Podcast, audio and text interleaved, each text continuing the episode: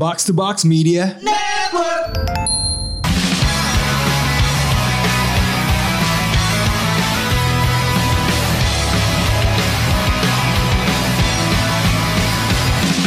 Konnichiwa, Konbanwa. Kontoru. Ya, selamat datang kembali di satu SKS segmen lepas otak box Pak Awaling Favivos Westpos di Indonesia. Kali ini kita kembali akan membicarakan saga yang telah dinanti-nanti oleh masyarakat global. Bukan Ninja Saga. Bukan Ninja Saga, Bukan Los tapi Saga. Saga bajak laut. Saga banyak laut. Yang hari ini berarti setelah hiatus sebulan One Piece sudah memasuki eh, saga terakhirnya ya menuju pencarian harta karun terbesar umat manusia gitu kan. Nah, menurut lu kan sebelum kita membuka obrolan ini semakin jauh, kira-kira lu punya analisa gembel kan? Analisa Terkait eh, prediksi lu tentang saga terakhir One Piece ini akan eh, menampilkan hal seperti apa, twist yang akan seperti apa dan fenomena yang akan membuat kita bergejolak gitu kan. Gimana analisa gembel lu? Silakan. Analisa gembel saya. Waduh. Gue sih sebenarnya cukup eh, lihat-lihat kemarin kan. Gimana prediksi One Piece nih the the last arc ya kan. Ini the last arc nih katanya Oda nih tiga tahun doang. Tiga tahun doang. Kemungkinan dia. Jadi bakal habis One Piece. Waduh. Waduh. Gue tuh sangat Oh, ini kok, gue. anda, kok anda berkaca-kaca? Kayak mau kehilangan sesuatu yang berharga saja. Bayangin aja bos, gue dari kecil nonton kan. Nonton bukan bukan baca gue. Oh, bukan baca. Nonton. Nonton. Iya. Itu. Dari yang lupinya masih gomu gomu. Iya. Asing itu. Tiba-tiba sudah mau berpisah. the red Iya. red hawk. sama kayak Naruto lah. Hmm. Tapi apa ya gua bersyukur justru di sisi lain karena gua segera tahu apa itu One Piece. Dalam waktu tiga tahun lagi atau lima tahun lagi. gitu. Tapi anda yakin masih bisa hidup sampai One Piece itu ditemukan? Eh, jangan jangan mati dulu lah.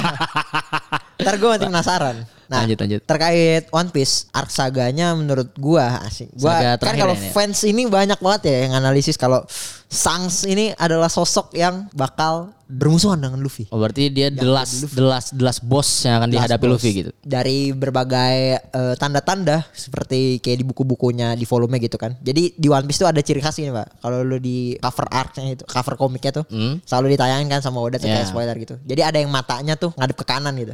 Oh ya. Nah itu tuh pasti apa karakter-karakter yang gak lo ekspektasi. Ternyata dia bakal jadi musuh gitu. Hmm. Nah di saat gue lupa chapter berapa itu ada Sangs dia itu dia di covernya dia ngadep ke kanan matanya gini. Set. Wih. Ah itu orang ngebaca wah nih Sangs bakal jadi musuh nih. Hmm. Dan ternyata di dialog yang baru Sangs ngomong sama Bank, apa Backman dia bilang "Ah, ayo sekarang kita mulai pencarian One Piece. Wah gila.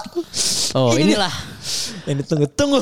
Berarti dari puluhan tahun kita menunggu, Nah. akhirnya kata-kata itu baru Baru keluar. baru dikeluarkan gitu iya, ya. Dan Sangs itu apa orang yang paling dikit eh, paling yang- Iya.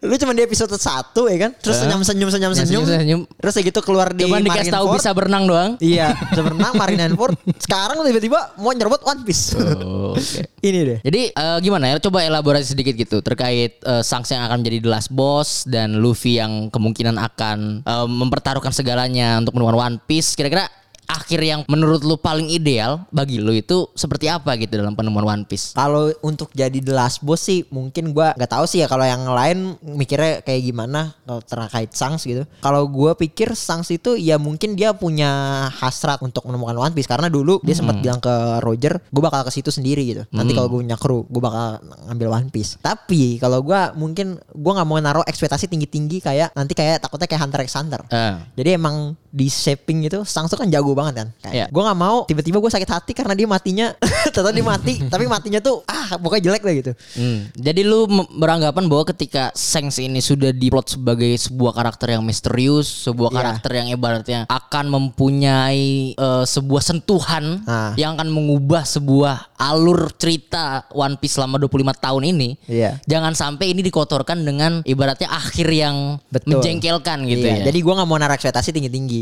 Kalau gue mungkin eh, ngelihatnya tuh endingnya nggak endingnya sih. Ini ini ini ini terkan-terkan gue ya. Iya. Bakal kejadian apa gitu. Mungkin Sangs tuh bakal bentrok sama si Blackbird. Nah, gue nggak tahu tuh bakal kayak apa. Tapi kalau gue sih pengennya Sangs mati. Kenapa lu ingin Sangs mati? Apa karena Biar- karena biar apa karena Luffy kun- punya alasan. Oh, punya alasan untuk bisa mengambil One Piece gitu. Iya, kalau jadi alasan mengambil One Piece tuh sih pa- pasti ya, pasti karena dari awal tujuannya itu dia itu. Hmm. Tapi alasan untuk benci sama Blackbird, soalnya dia tuh Oh, Oke. Oke oke. Iya, soalnya tuh emang mungkin dia benci sama Blackbird karena Ace kan. Ace ditangkap. Tapi kalau gue menurut gue kenapa ya kurang klimaks gitu. Hmm. Nah, tapi kalau Sangs mati gitu, tangan Iya. Blackbird dan Blackbird tuh orangnya kan picik banget ya. Lu kesel lu pasti ngeliat Blackbird tuh. Lu kesel. Nah, matinya seperti apa gitu.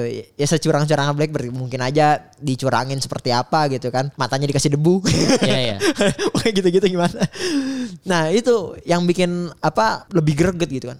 Anjir Sangs ternyata udah jauh-jauh matinya sama Blackbird gitu kan. Iya. Itu kan kayak wah, ini kayak Hunter Hunter kalau yang nonton Hunter Hunter gitu kan. Jadi lu Hunter Hunter Kid. menganggap bahwa kematian Shanks itu bisa menjadi decoy untuk Hmm. Luffy supaya dia memiliki sebuah alasan untuk bisa membuat klimaks yang sesungguhnya gitu. Iya. Betul. Dengan mengalahkan Blackbird itu ada alasan yang enggak enggak bukan hanya ingin mencapai One Piece gitu kan. Iya, karena ada Ya. emosi pribadi. Karena dia. disclaimer dulu kenapa diskusinya agak sedikit lebih condong ke Irland karena gua sendiri ini bukan baru sih sedikit belum banyak lah belum sampai belum sampai kayak kalian gitu ya yang udah baca One Piece sampai akhir gue masih setengah lah ibaratnya jadi kali ini gua akan menanyakan saja nih kepada pakar One Piece PN Media Buset. Nah kalau kalian teman-teman eh, nongkrong di PN Media dan melihat tulisan-tulisan tentang One Piece itu jarang nggak ada gua malah belum pernah nulis One Piece Gue gak pernah nulis Naruto. Nggak, kebalik. Kalau gue selalu nulis Naruto, pokoknya itu sering lah. Kalau Irlan nah baru nih pakar One Piece-nya. Jadi silakan dielaborasi Bung. Berarti apa yang gue bilang tadi benar? Kematian Shanks itu sebagai di- decoy untuk Lu- Luffy gitu. iya sebagai untuk Luffy untuk men-trigger dia agar apa ya alasan untuk apa ngapain sih gue ngelon Blackbird gitu kan. Hmm. Iya, mungkin kalau misalkan eh, Ace iya salah satu dendamnya. Cuma kalau kalau gue kenapa ya? Gue ngerasa tuh kurang aja, kurang klimaks kalau Ace Ace aja alasannya gitu kan. Hmm. Tapi kalau Sangs mati dan tiba-tiba dia ingin apa eh, take over One Piece gitu, tiba-tiba dia pengen ambil dengan cara yang cipicik, itu kan Luffy kan semakin wah anjir anjir. Hmm, Tapi gue pengen nanya ke lu, apakah eh, seluruh bajak laut di saga eh, apa di semesta One Piece itu ingin mendapatkan harta karun terbesar itu? One oh Piece. iya, karena dari awal itu dok, eh, doktrin yang ditanamkan oleh Roger itu semangat untuk eh, generasi muda ini sebenarnya ya kalau yang gue lihat ya untuk melawan. Untuk melawan. Iya, untuk menjadi anarki, untuk melawan kestabilan gitu. Oh, jadi, eh, walaupun eh, subjeknya itu One Piece gitu kan. Iya. Iya, yang yang gue lihat pesannya Roger itu kan, dia bilang dia sebenarnya tuh Roger kematian Roger itu dia menandakan bahwa era bajak laut ini abis loh. Lu kalau jadi bajak laut tuh bakal berakhir kayak gini. Hmm. Nah kematian Roger tuh mau jadi simbol itu, tapi Simbol dibalik perlawanan. sama Roger. Oh, oke. Justru ini Oh, iya, adalah iya, iya. kebangkitan bajak laut. Eh, jadi- buat generasi Oh iya iya sepakat sepakat gitu. benar-benar benar. menarik ya. Jadi Nah. berarti ketika kita mengatakan bahwa penemuan One Piece nanti adalah sebuah momen bukan untuk menunjukkan bahwa kebangkitan bajak laut berarti ya. Berarti penemuan One Piece oleh entah itu siapa pun Iya. bajak lautnya adalah tanda kemenangan bajak laut. Iya, Hmm. itu adalah kemenangan bajak laut. Ya karena eh, akhirnya itu tujuannya Roger. Iya, ini ini yang harus eh, dilakukan oleh dunia gitu. Gak boleh dunia tuh terkekang Hmm. Oh, oleh terkekang oleh establishment. iya, variabel-variabel yang sempit yang kata Roger. Eh, variabel-variabel sempit itu contohnya seperti apa memang? Ya ketentuan-ketentuan yang dikekang gitu. Misalkan lu ada kebebasan kayak Luffy kan orangnya Hmm. suka kebebasan kan. Tapi lu di, ditahan gitu kan di salah satu cuman lu har- harus hidup di kawasan ini aja gitu. Dan lu kalau mau keluar tuh mesti pakai paspor kan. Iya. Kayak di negara di dunia mana itu? Di dunia di saga, Dia- saga mana tuh? Saga, mana itu kan? Nah, dia pengen tuh dunia itu terbuka gitu kan. Hmm. Dan apa bukan apa bukan dibikin sistemnya sama sekelompok orang aja. Dunia itu milik semua. Roger tuh pengennya kayak gitu. Iya. Dan menurut lu siapa yang eh, menginherit, Hmm. mewariskan semangat dari Gold Roger itu? Eh, kalau mewarisi semangat dari Gold Roger itu ya pastinya Luffy kalau Luffy. Iya dong. Tapi eh, kalau gue bilang sih nggak Luffy aja sih.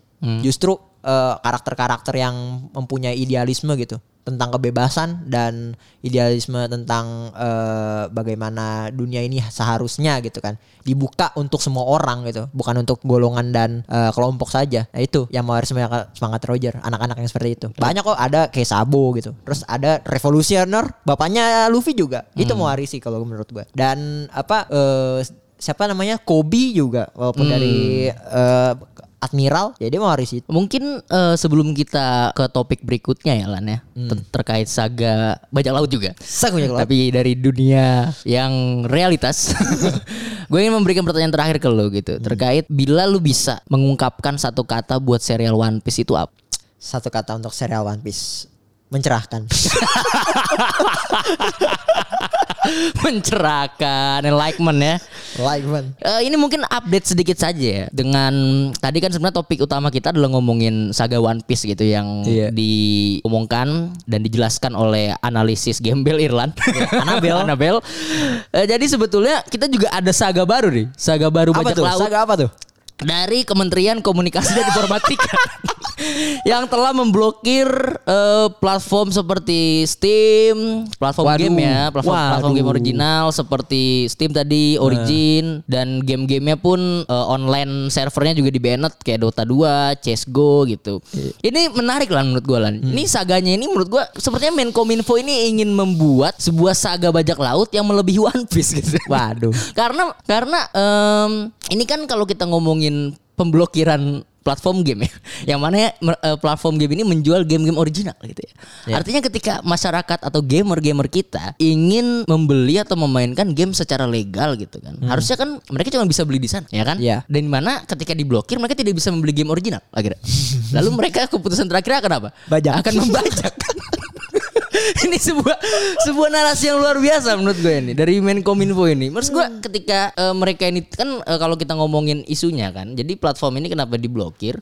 Karena mereka ini tidak mendaftar yang namanya PSE, lingkup privat. Jadi PSE ini kayak semacam penyelenggara sistem elektronik yang di mana para perusahaan-perusahaan digital teknologi yang sesuai dengan kriteria-kriteria yang dicanangkan oleh Menkominfo harus wajib mendaftar supaya ya ya secara simpelnya eh, pemaha bisa memahami atau ini loh ya apa menjalankan aturan yang sesuai dengan kehendak negaranya gitu Ya. kan. Jadi Ya diatur regulasinya. diatur regulasinya gitu. Jadi supaya nggak semena-mena dan bisa disetir juga gitu kan. Jadi Oke. sebenarnya eh, masalah eh, terkait PSA ini kan kalau kita lihat banyak sekali yang namanya eh, penolakan-penolakan gitu ya dari dari publik gitu kan. Hmm. Dan katanya nih ada juga yang kayak semacam pasalnya karet nih. Pokoknya Ah, pasal gomu-gomu. Eh, pasalnya gomu-gomu ya kan. Karena di situ ada yang mengatakan bahwa eh, platform atau perusahaan digital tersebut wajib menghapus konten-konten yang sifatnya eh, meresahkan masyarakat. Kan meresahkan masyarakat ini kan sangat-sangat apa ya bias gitu ya. Iya. Multi tafsir gitu kan. Kan ada indikatornya yang meresahkan itu seperti apa gitu Emang kan. emang apa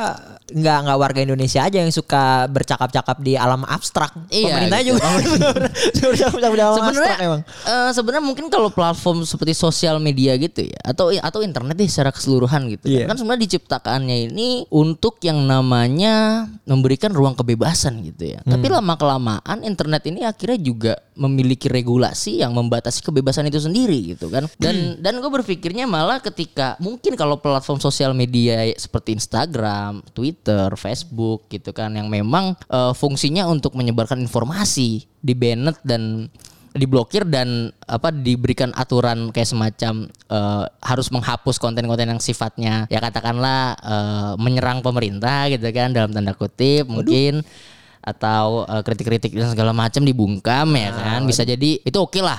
Mungkin karena sosial media itu sekarang udah menjadi tempat eh, ruang demokrasi gitu kan. Iya. tapi kalau platform game saya tuh nggak pernah mikir gitu. Orang-orang mau mengkritik pemerintah ketika lagi main Dota gitu. Kayaknya orang-orang tuh lebih lebih pengen ngatain orang yang main gembel gitu ketimbang ngatain pemerintah gitu di chat gitu kan. Ah. jadi jadi gue cukup cukup cukup mungkin mungkin menarik apa kalau gua coba lihat dari dua perspektif gitu. Pertama kalau perspektif Suzona kan sudah anda sampaikan kan gitu. ya ya harus harus dua sisi Di gitu sisi ya. Kalau gua mencoba husnuzon gitu. oh Ada- anda husnuzon terhadap pemerintah sekarang Iya. oke siap Saya mau husnuzon dulu. gitu.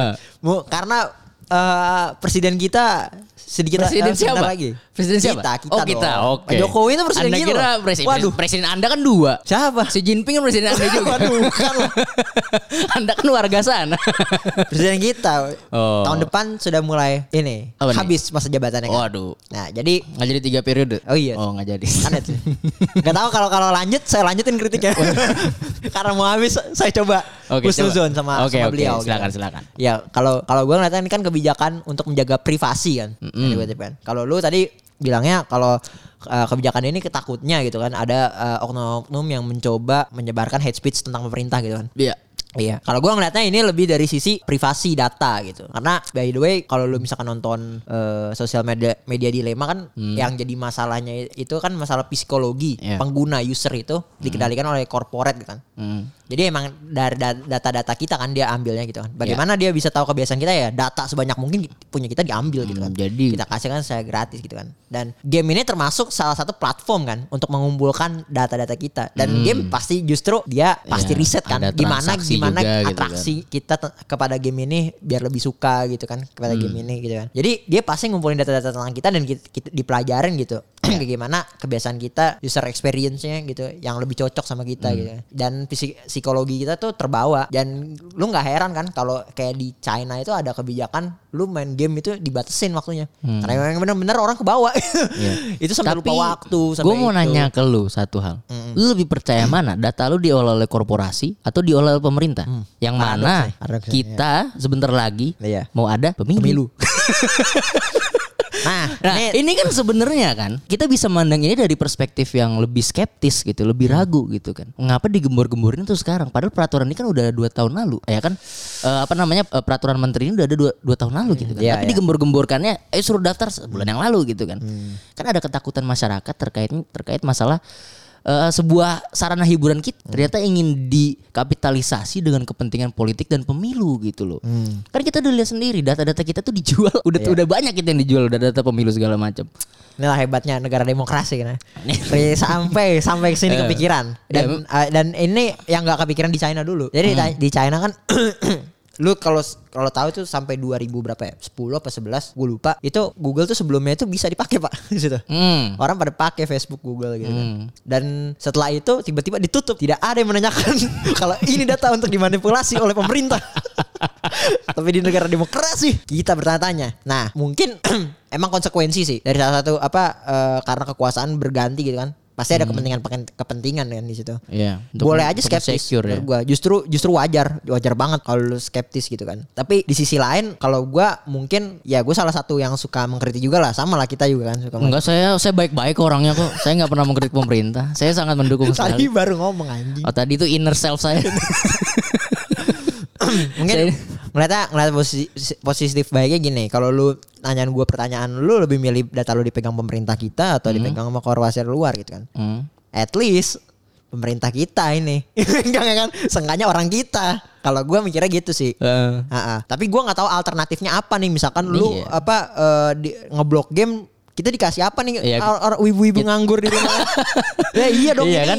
Maksudnya maksudnya tuh kesalahannya belum menyiapkan Belum alternatif menyiapkan dulu alternatif. udah main blokir Jadi- aja gitu jadi kan. kalau- kalau Kita di- kembali ke ke gua dulu gitu loh. Betul, kalau Ya di kan? China itu lu nge- ngeblokir WhatsApp, nge- ngeblokir IG, dia ngasih alternatif. WeChat dan Iya. Weibo. Dan dan alternatifnya itu ibaratnya setara gitu kan Setara, dengan iya. apa yang diblokir lah ini kita Iya. belum apa-apa Anda sudah apa memblokir. ngeblokir game-game luar gitu kan di China ada MiHoYo. iya, selau gitu kan. Bikin sendiri gitu, ada tension juga kan. Dan Iya. dan untuk menutup ini Lan, ini ada ada titipan pertanyaan dari penggalang Nur Akrom yang seharusnya Ah. dia ikut di sini karena dia yang paling gamer gitu kan. Iya. Dia yang apa Kenapa ya dia nggak ikut ya? Dia makanya nih, padahal dia yang paling gamer tapi nggak mau ketangkep deh. Iya. Malah kita yang harus ditangkep nih jangan-jangan. Padahal Galang lagi Favivo di nih. Anjir, lagi, anjir. lagi bacot dia nih di Bacot depan dia. Iya. komputernya gitu kan. Nah, ini ada pertanyaan dari dia terkait sebenarnya isu pemblokiran eh, Kominfo ini beredar buat nutupin isu lain yang mana? Waduh.